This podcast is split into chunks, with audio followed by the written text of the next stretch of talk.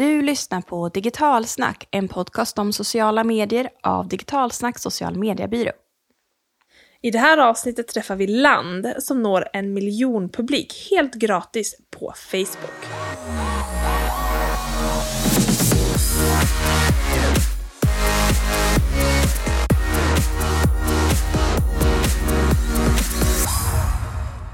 Hej och välkommen till Digitalsnack social media-podd. Podden som ger er himla fina insikter i andras arbete med sociala medier. Idag så ska vi slå kol på en eh, långvarig myt, så vi på Digitalsnack kanske varit lite delaktiga också i att ha eldat på eh, de senaste åren, kan man väl säga. Så i den här podden så kryper vi lite till korset, kan man säga. Och vi har inget problem att erkänna att om vi har haft fel, att vi har haft fel. Och det kanske vi har haft i det här fallet, nämligen kring organisk räckvidd på Facebook. Ja, men haft fel till viss del i alla fall. Ja, vi har ju nämnt några, eller ganska många gånger att Facebook är svårt att engagera sina följare, när fler väljer liksom andra delar av Facebook, att det blivit mer av en infrastruktur. Och kanske har vi blivit lite blinda utifrån att vi är en målgrupp också som inte spenderar så mycket tid på Facebook längre. Vi tillhör ju då millennials. Men eh, ja, det finns ju de som faktiskt lyckas. Ja, precis. Och så är det väl med alla kanaler. Hittar man rätt recept så går det ju riktigt bra. Och det gäller ju även på Facebook, för det finns varumärken som har en otroligt stark publik på Facebook och gör en fantastisk succé. Mm. Och jag fick ett mejl från ett varumärke som var kanske lite trött på vårt tjat om så här, organisk räckvidd och Facebook. Så de ville berätta och, och eh, liksom visa hur bra de har lyckats. Och det gick ju jag igång såklart och eh, bjöd in dem till den här podden.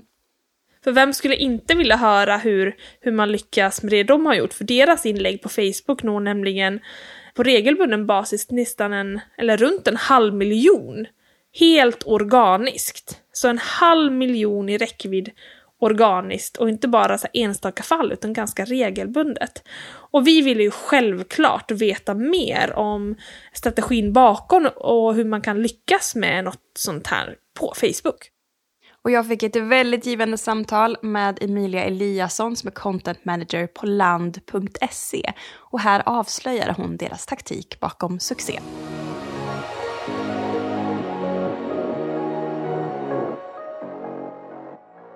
Stort välkommen till Digitalsnackpodden Emilia. Tack så mycket, vad kul att jag får vara med. Du, vi ska prata om land och eran supersuccé på Facebook. Men för alla de lyssnare som kanske inte har så bra koll på land, kan du berätta lite kort vad, vad det är för någonting? Land är ju ganska många olika saker idag, men i grunden så är det en av Sveriges största veckotidningar. Och vi skriver om allt från mat och hälsa till djur och natur och hem och trädgård.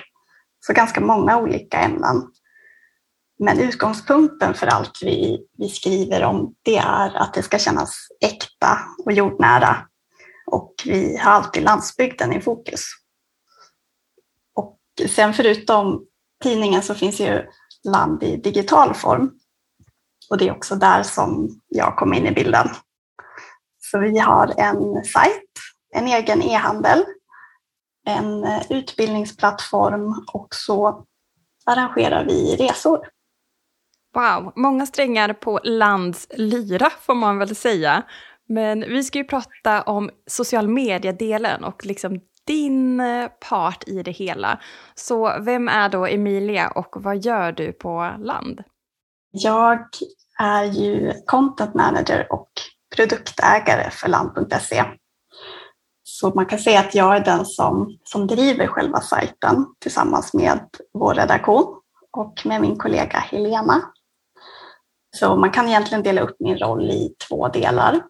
Där ena delen handlar om content och den andra delen handlar om teknik och utveckling. Så jag är den som beställer och planerar innehåll och sen publicerar och analyserar i alla våra kanaler. Det är du som sitter där med magiska strategin och taktikerna som vi ska liksom få tag på i den här podden. Det låter bra. Och som bakgrund berättar du att du är journalist från grunden. Precis, det stämmer. Innan jag började på Land så har jag framförallt jobbat på lokaltidning. Men sen kom jag till Land för ganska många år sedan, 2015. Så jag har varit med ett tag. Eh, och sen dess så har jag jobbat på Land i, i olika roller. Mm. Och du nämnde Helena och det var ju Helena som kontaktade oss med kanske ett frustrerande mejl, lite så här, nu har jag tröttnat på ert tjat på digitalsnack om det här att man inte kan lyckas eller nå ut organiskt på Facebook. Här är beviset. Och så skickade hon med ett inlägg som jag tyckte var helt fantastiskt. Det är hur man gör en stubbskorsten för att ta bort egentligen oönskade stubbar i sin trädgård.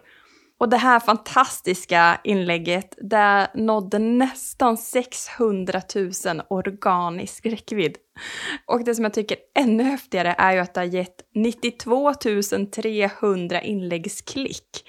Och det här är ju helt otroligt när man tittar på det här. Och då kände ju vi såklart, det här måste ju vi ta in i podden och berätta så här, men hur lyckas man med det här? Och du får väl ta den stora frågan först och så får vi väl bryta ner den i mindre liksom, taktiska delar. Men varför tror du att ni lyckas så bra med er närvaro på Facebook? Oj, ja, det, det är ju en, eh, en stor fråga. Men jag tror egentligen att vi har haft kanske flera olika framgångsrecept under åren. Om jag ändå ska peka på en enda sak så är det att vi har brytt oss om våra läsare väldigt mycket. På vilket sätt? Vi är väldigt närvarande i våra kommentarsfält och vi ser till att läsa så många kommentarer som vi kan. Och man måste ju alltid börja någonstans. Så redan från att vi startade så, så har vi tagit vara på det engagemang vi får och lärt oss väldigt mycket utifrån det. Jag skulle nog säga att våra läsare är lika mycket experter på land som vad vi är. Vad häftigt. Och vi ska ju prata mer som sagt. Vi ska grotta ner oss i vad det här superresultatet på Facebook handlar om. Berätta lite om er huvudsakliga mål på Facebook. Vad, vad är det det ska driva till? Vi har egentligen kanske två huvudmål. Det ena är varumärkesbyggande och att nå ut med land och, och det vi gör. Och det andra är kanske mer mer konkret i form av trafik och, och länkklick. Så två delar. Och vad genererar då när man liksom från sociala medier kan driva trafik till er webbplats? Vad är det då där som ni vill att man ska utföra och göra? Vad är den, för någonstans måste det ju landa i någon ekonomisk bit förstår jag. Och hur gör ni det kopplat med sociala medier? Det gör vi nog på flera olika sätt idag. Jag nämnde att vi har en egen e-handel. Så en, en viss del av våra inlägg handlar i slutändan om att vi vill driva försäljning. Men det är idag en ganska liten del av det vi postar som handlar just om försäljning. En annan sak kan handla om att vi, vi skriver om olika ämnen för att sen kunna bygga intressegrupper och marknadsföra annan typ av annan typ av innehåll mot. Mm. Och er målgrupp då? När vi pratar Facebook så pratar man alltid om att ja, men de under 36 de har svårt att liksom engagera sig. Och det går ju att titta statistik på Facebook, vilka som har en gång följt sidan, vilka som man når ut till och vilka som engagerar sig i sidan. Och vad ser ni där för målgrupp som engagerar sig mest i ert innehåll?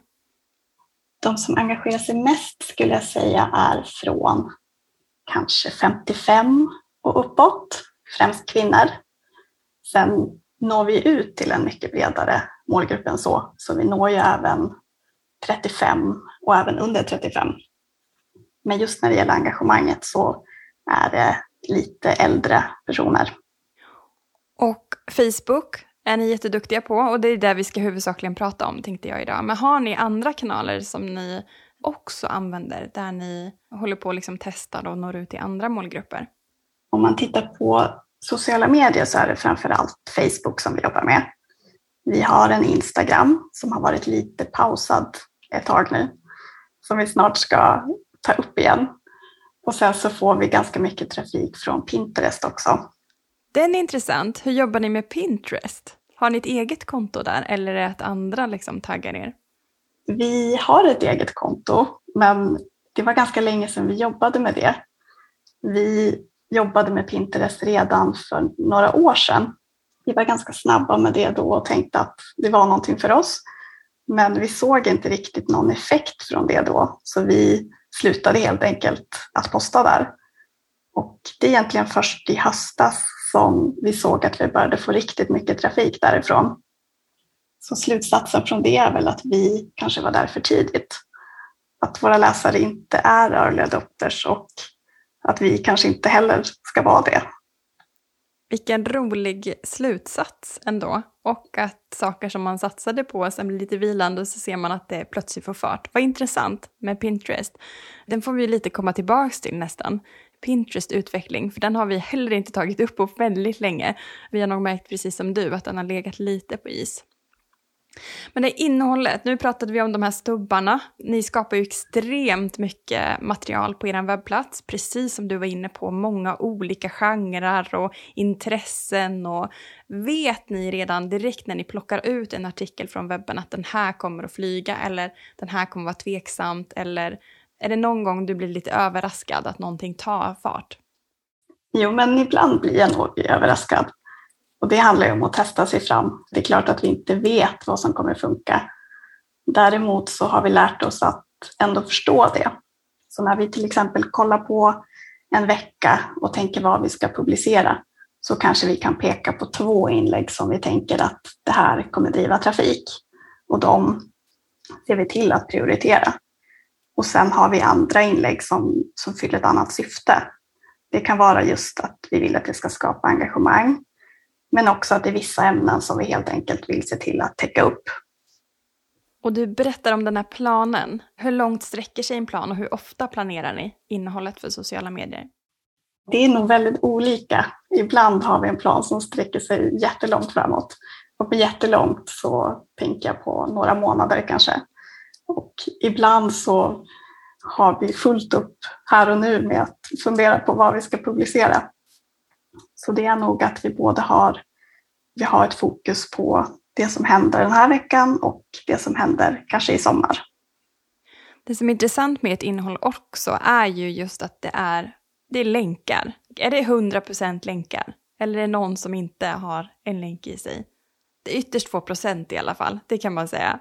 Och det här säger sig också emot egentligen vad sociala medier och utvecklingen som man har varit. För nu går vi mer åt att vi ska liksom behålla användarna på plattformen och ändå klicka folk som galna på era artiklar. Och ni får ju väldigt mycket engagemang också. De här två är ju, de säger sig emot varandra för när man klickar sig bort från något så går man ju sällan tillbaks för att kommentera vad bra det var och starta en konversation. Men det gör era följare på Facebook. Och hur lyckas ni med då de här länkposterna att få både liksom läsare till webben och engagemanget på er Facebook-sida? Jag tror att det i grunden handlar om att vi skapar väldigt bra innehåll. Eftersom vi är ett mediebolag i grunden och vi har en veckotidning så har vi ju innehåll att dela med oss av som, som är väldigt välskrivet. Och jag tror att vår målgrupp har lärt sig att förstå det, att de vet att när de klickar på, på våra länkar så kommer de komma till en bra artikel. Men sen är det klart att vi, vi delar innehåll som, som för en del, det är ingenting de behöver läsa, utan om vi delar ett odlingstips så vet de redan vad det handlar om. Men det kanske får dem att vilja engagera sig istället. Så vi ser nog ofta att det innehåll som ger mest läsning, det är också samma innehåll som ger mest engagemang. Det är ju väldigt unikt, som sagt. När man klickar sig bort så har man nästan liksom kastat sig själv under bussen för att få engagemang och här får ni både och. Men om du ska ge tips på, du säger ju att det är så välskrivet innehåll som man nu har en stor förväntning på att när era inlägg kommer upp i Facebook så vet man att det är en bra artikel som man kommer att mötas av när man klickar sig vidare. Och vad är då en bra artikel? Hur ska man bygga upp den här bra artikeln gång efter gång så att man, eh, ens målgrupp vill klicka? Ja, det är en väldigt svår fråga, vad som är en bra artikel. Vi har ju väldigt... Jag tänker, finns det något liksom trick på hur man bygger upp den? Att det inte, kanske många fokuserar på att det är rubriken som är det som ska vara det smaskigaste och sen landar man så blir man lite besviken. Men ni verkar ju vara lite tvärtom, man klickar och man oh, verkar få liksom mer än vad rubriken säger nästan. Antagligen eftersom man vill ha mer. Så vad är, finns det några, några trick att ta med där? det är klart att själva posten är väldigt viktig. Rubriken, texten, bilden. När vi skriver våra texter till posterna försöker vi tänka att det ska, vi ska aldrig upprepa det som står i rubriken. Den texten ska tillföra någonting, kanske något emotionellt eller någonting som på något sätt uppmanar till att klicka, att förstå att det finns någonting mer här för dig. Att verkligen ta vara på det utrymmet och se det som en extra chans att få berätta vad artikeln handlar om. Men sen så, vi har ju postat otroligt mycket innehåll i sociala medier, så vi har väl lärt oss den hårda vägen ibland, vad som funkar och inte. Mm. Och när vi tittar tillbaka och ser vad som funkar så är det väl några saker som vi ändå känner igen. Vad bra, berätta. Det här måste vi veta. Ja, men vi har en slags checklista med innehåll som vi tycker att det här det är sånt som, som funkar. Och det är ingen checklista som vi kanske använder oss av varje gång vi postar, men som ändå är bra att återkomma till då och då för att påminna sig själv. Och kanske nu så ligger den lite så undermedvetet hos er kanske att ni inte behöver ha den fysiska checklistan. Men för de som lyssnar nu hämta penna och papper, för här kommer liksom den magiska checklistan, hur man når ut på Facebook. Kör! Yes, här kommer den. Och jag kan ju ha långa utläggningar om varje punkt här, så vi får se hur mycket jag kan sammanfatta det. Du kanske inte ens behöver sammanfatta. Jag tror vi är jättesugna på att höra hur mycket som helst. Så börjar du. Okej, okay. ja, men det första som jag tänker det är att, att man ska dela någonting som är brett som många kan relatera till. För så fort man smalnar av ett ämne så kommer man också nå många färre personer.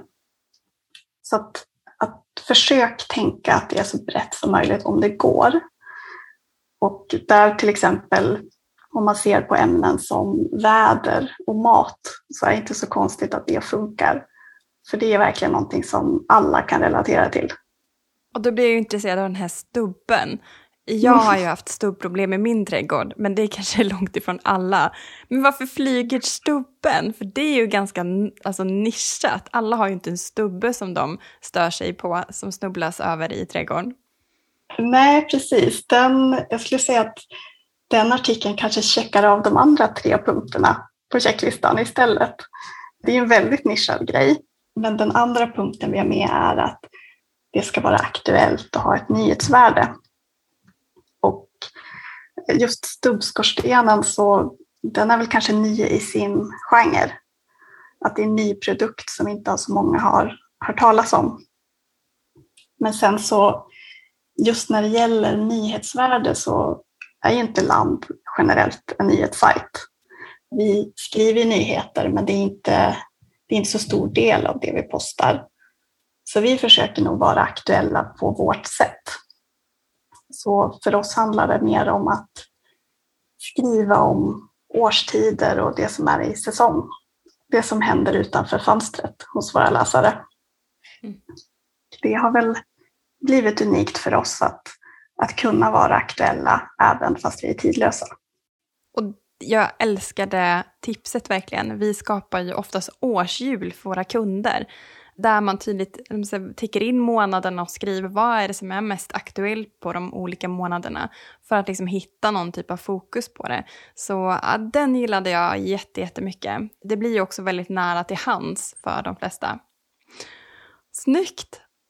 Och, eh, och det är en sån där grej som, eftersom att vi, våra läsare bor längst upp i norr och, och längst ner i söder så är det inte helt enkelt.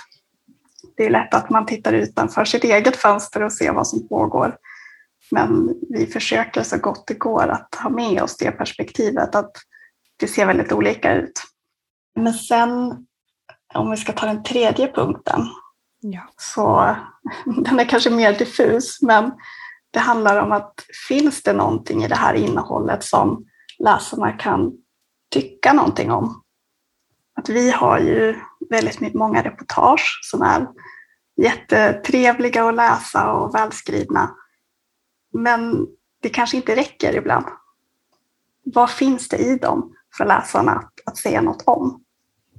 Och just när det handlar om att skapa engagemang så tror jag att det är viktigt att ha med sig att det räcker inte att någonting är trevligt. Det, det behövs någonting mer. Och det räcker kanske inte att ställa frågan, vad tycker ni?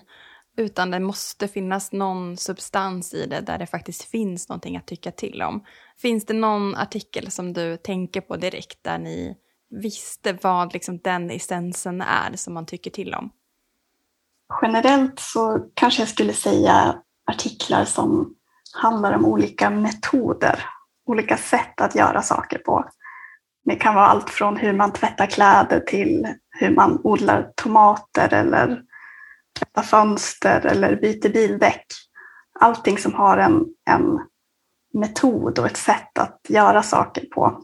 Där egentligen alla läsare har sitt eget knep. Och då vill de gärna diskutera det. Lite som hur man botar hicka. Det måste ju finnas en miljard olika varianter på hur man blir av med hicka. Precis. Jag förstår. Det engagerar ju verkligen. Och, och det, det är väl liksom det som vi försöker tänka. Vad finns det någonting i det här för dem, för läsarna att göra när de läser den? Om det inte finns det, då kanske det inte kommer bli något engagemang.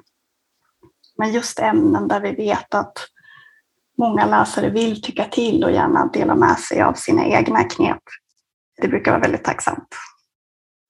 Och när jag frågade tidigare i podden hur det kommer sig, hur man klickar på länken och sen går tillbaks, liksom prata om det engagemanget, för att man kan inte låta bli. Och det fattar man ju nu. Så där fick ju verkligen svaret på det. Jag tänker det här fenomenet när man sitter framför tvn eller liknande, kollar på Kalle fakta eller Uppdrag granskning eller något liknande. Och man har ett, liksom, en känsla av att det måste vara någon mer som tycker som jag. Och det är den ni hittar i att fler vill gå in och liksom dela med sig av sitt tips eller titta vad andra tycker om det här för att man tycker själv att det är för jävligt eller helt världsbäst och vill liksom samlas kring det ämnet. Ja, det är ju genialiskt egentligen när man tänker efter. Och det har vi ju märkt på, på mycket av det innehåll vi gör att hur man tvättar ett fönster, det kanske väldigt många vet. Det är ingenting som de egentligen behöver läsa. Men många läser ändå för att de kanske också vill ha bekräftelse på om de gör rätt eller fel. De är egentligen mest nyfikna och se vad vi säger. Och sen går de tillbaka och delar med sig av sin egna metod. Ja, det är fantastiskt. Vi ska ju prata lite om frekvens tänkte jag, för det är också en omdebatterad fråga i olika kanaler. Här pratar vi Twitter, pratar vi liksom en frekvens på kanske en gång i timmen, Instagram två gånger om dagen. Har ni laborerat lite vilken frekvens och hur ofta ni har lagt inlägg på Facebook och vad ni har sett funkar bäst för er? Ja, men det har vi, det har vi jobbat ganska mycket med. Om vi går tillbaka några år i tiden så postade vi otroligt mycket innehåll. Jag tror att vi kanske postade tio gånger om dagen på Facebook. Och med tanke på att vi har ganska mycket engagemang så, så blir det mycket att följa upp också. Så det är inte bara själva postningen som tar tid. Men sen så började vi successivt skruva ner på tempot för att vi tänkte att det, det här håller inte i längden. Vi kan inte posta så här mycket. Vi såg efter ett tag att ju mindre vi postade, desto bättre gick det. Att när vi vågade välja bort och välja det som inte genererade kanske klick eller engagemang så fick övriga inlägg mycket bättre resultat. Och ni konkurrerade ju inte med er själva heller. Nej, precis. Det var som att vi, vi gav de poster vi satsade på mer utrymme istället för att ha mycket eller många poster som kanske inte levererade. Och idag är vi nere på ungefär tre poster per dag. Och det är väl den nivån som vi det senaste året känner att vi har mäktat med. Har ni också testat olika tidpunkter som funkar för er målgrupp? Ja, det har vi gjort och idag postar vi framför allt på morgonen och kvällen. Eh, tidigt kanske klockan åtta på morgonen och sen klockan nio på kvällen. Men det där kan också variera lite beroende på vad vi har för innehåll. Om vi har någonting med ett nyhetsvärde så brukar lunch funka bra. Och sen det senaste året så, så såg vi en annan trend som vi hakade på.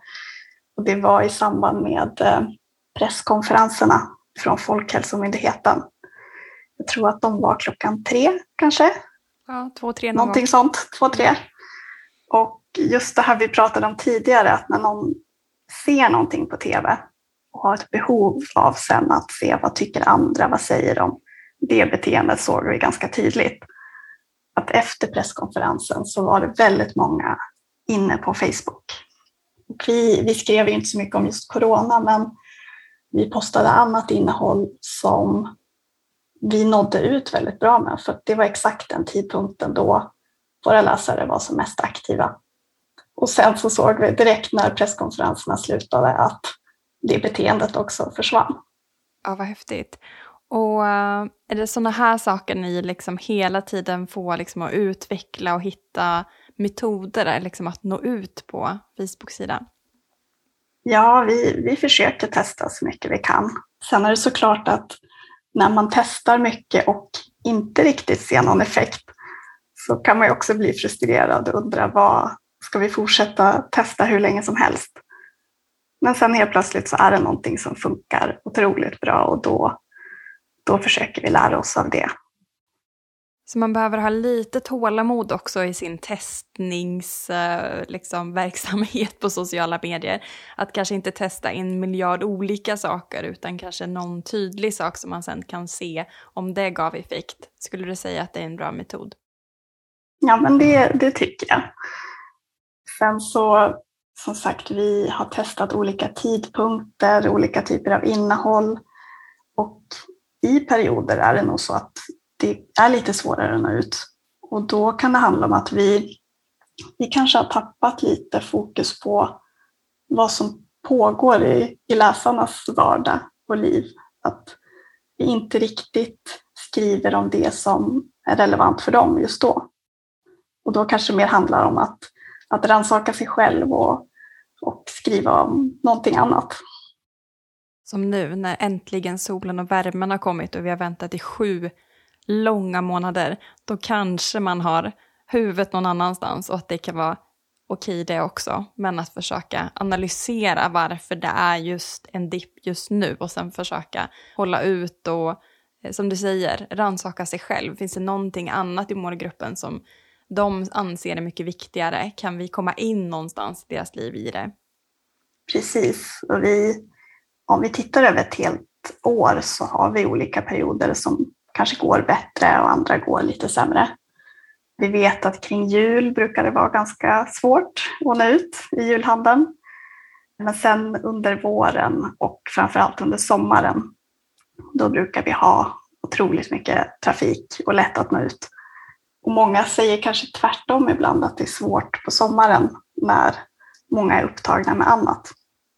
Men det är också så att det är många som plockar upp mobilen när man ligger på stranden eller ja, vad som helst egentligen. Vi har sett att det har varit enklare att nå ut då.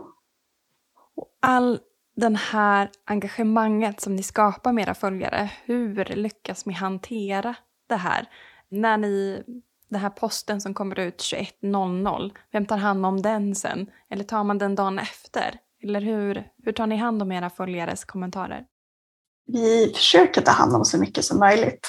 Men sen klarar vi nog inte riktigt av att ta hand om allt.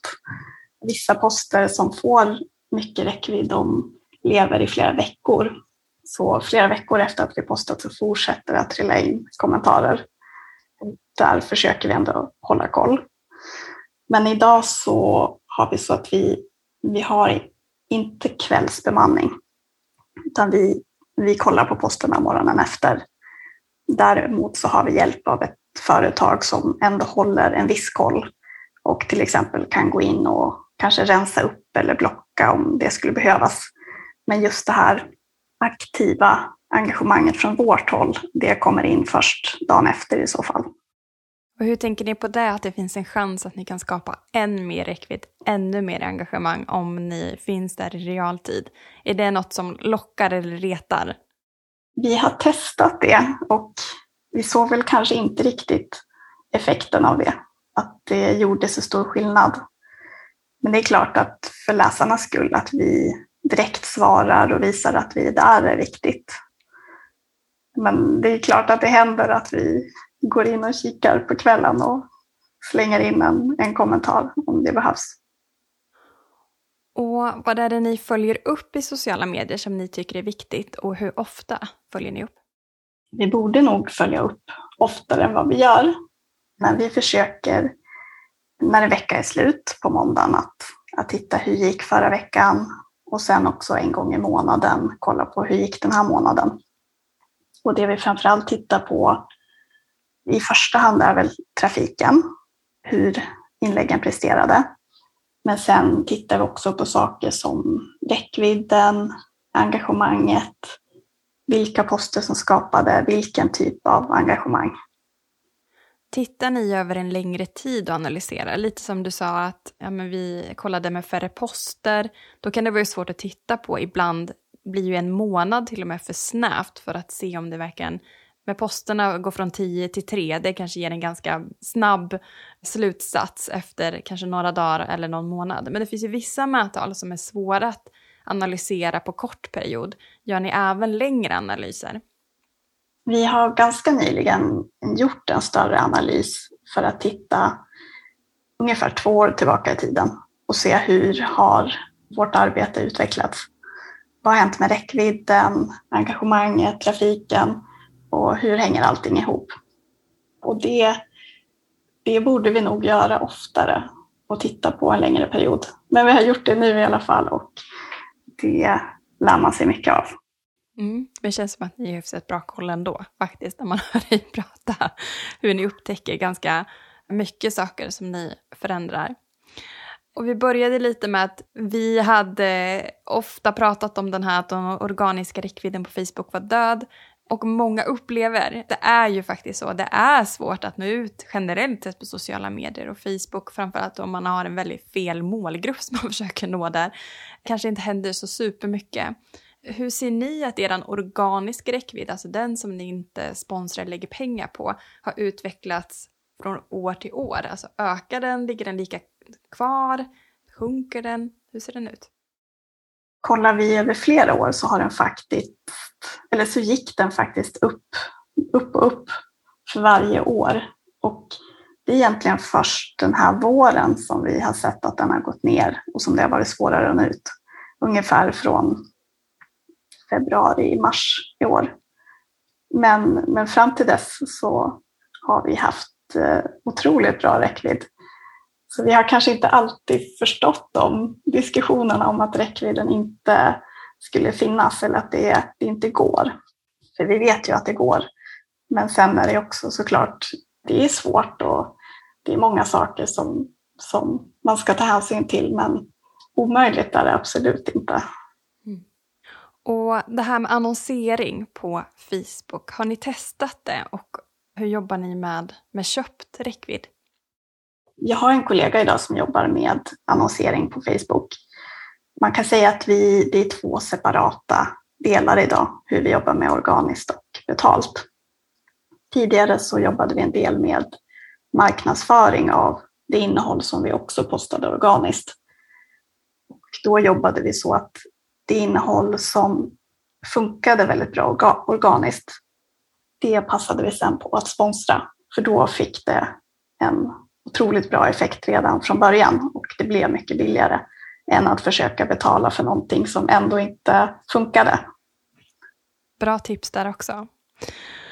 Du, stort tack för att vi fick eh, höra lite om er strategi och taktik när det kommer till att lyckas på Facebook. Jag tänkte att du skulle få avsluta med att sammanfatta din, den här checklistan med de här tre supertipsen som man ska tänka på innan egentligen man postar något inlägg framöver på Facebook för att ha en chans att lyckas. Så varsågod Emilia, dina tre bästa tips för att nå ut på Facebook.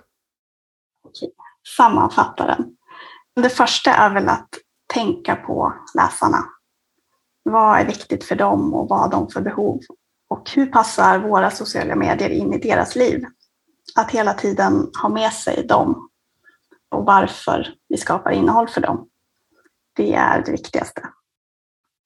Nummer två på checklistan är att skapa innehåll som är lätt att tycka någonting om. Vad är det i innehållet som, som ni vill att läsarna ska reagera på? Och se till att det finns med någonting som de kan säga något om. Den sista punkten som jag faktiskt inte tog med tidigare, det är att dela med sig av innehåll som kan lösa problem. Och det kan handla om små vardagsproblem som läsarna upplever. Jag skulle egentligen säga att inget tips är för litet. Det behöver inte vara revolutionerande utan att vara lite bjussig med och, tipsa om saker brukar vara uppskattat. Och det kommer stubben in som en sammanfattning av den tyckte jag. Och det var lite där vi började. Du Emilia, stort tack för att du ville vara med i Digitalsnack social media-podd och dela er fantastiska resa på Facebook. Stort, stort tack! Tack så mycket för att jag fick vara med.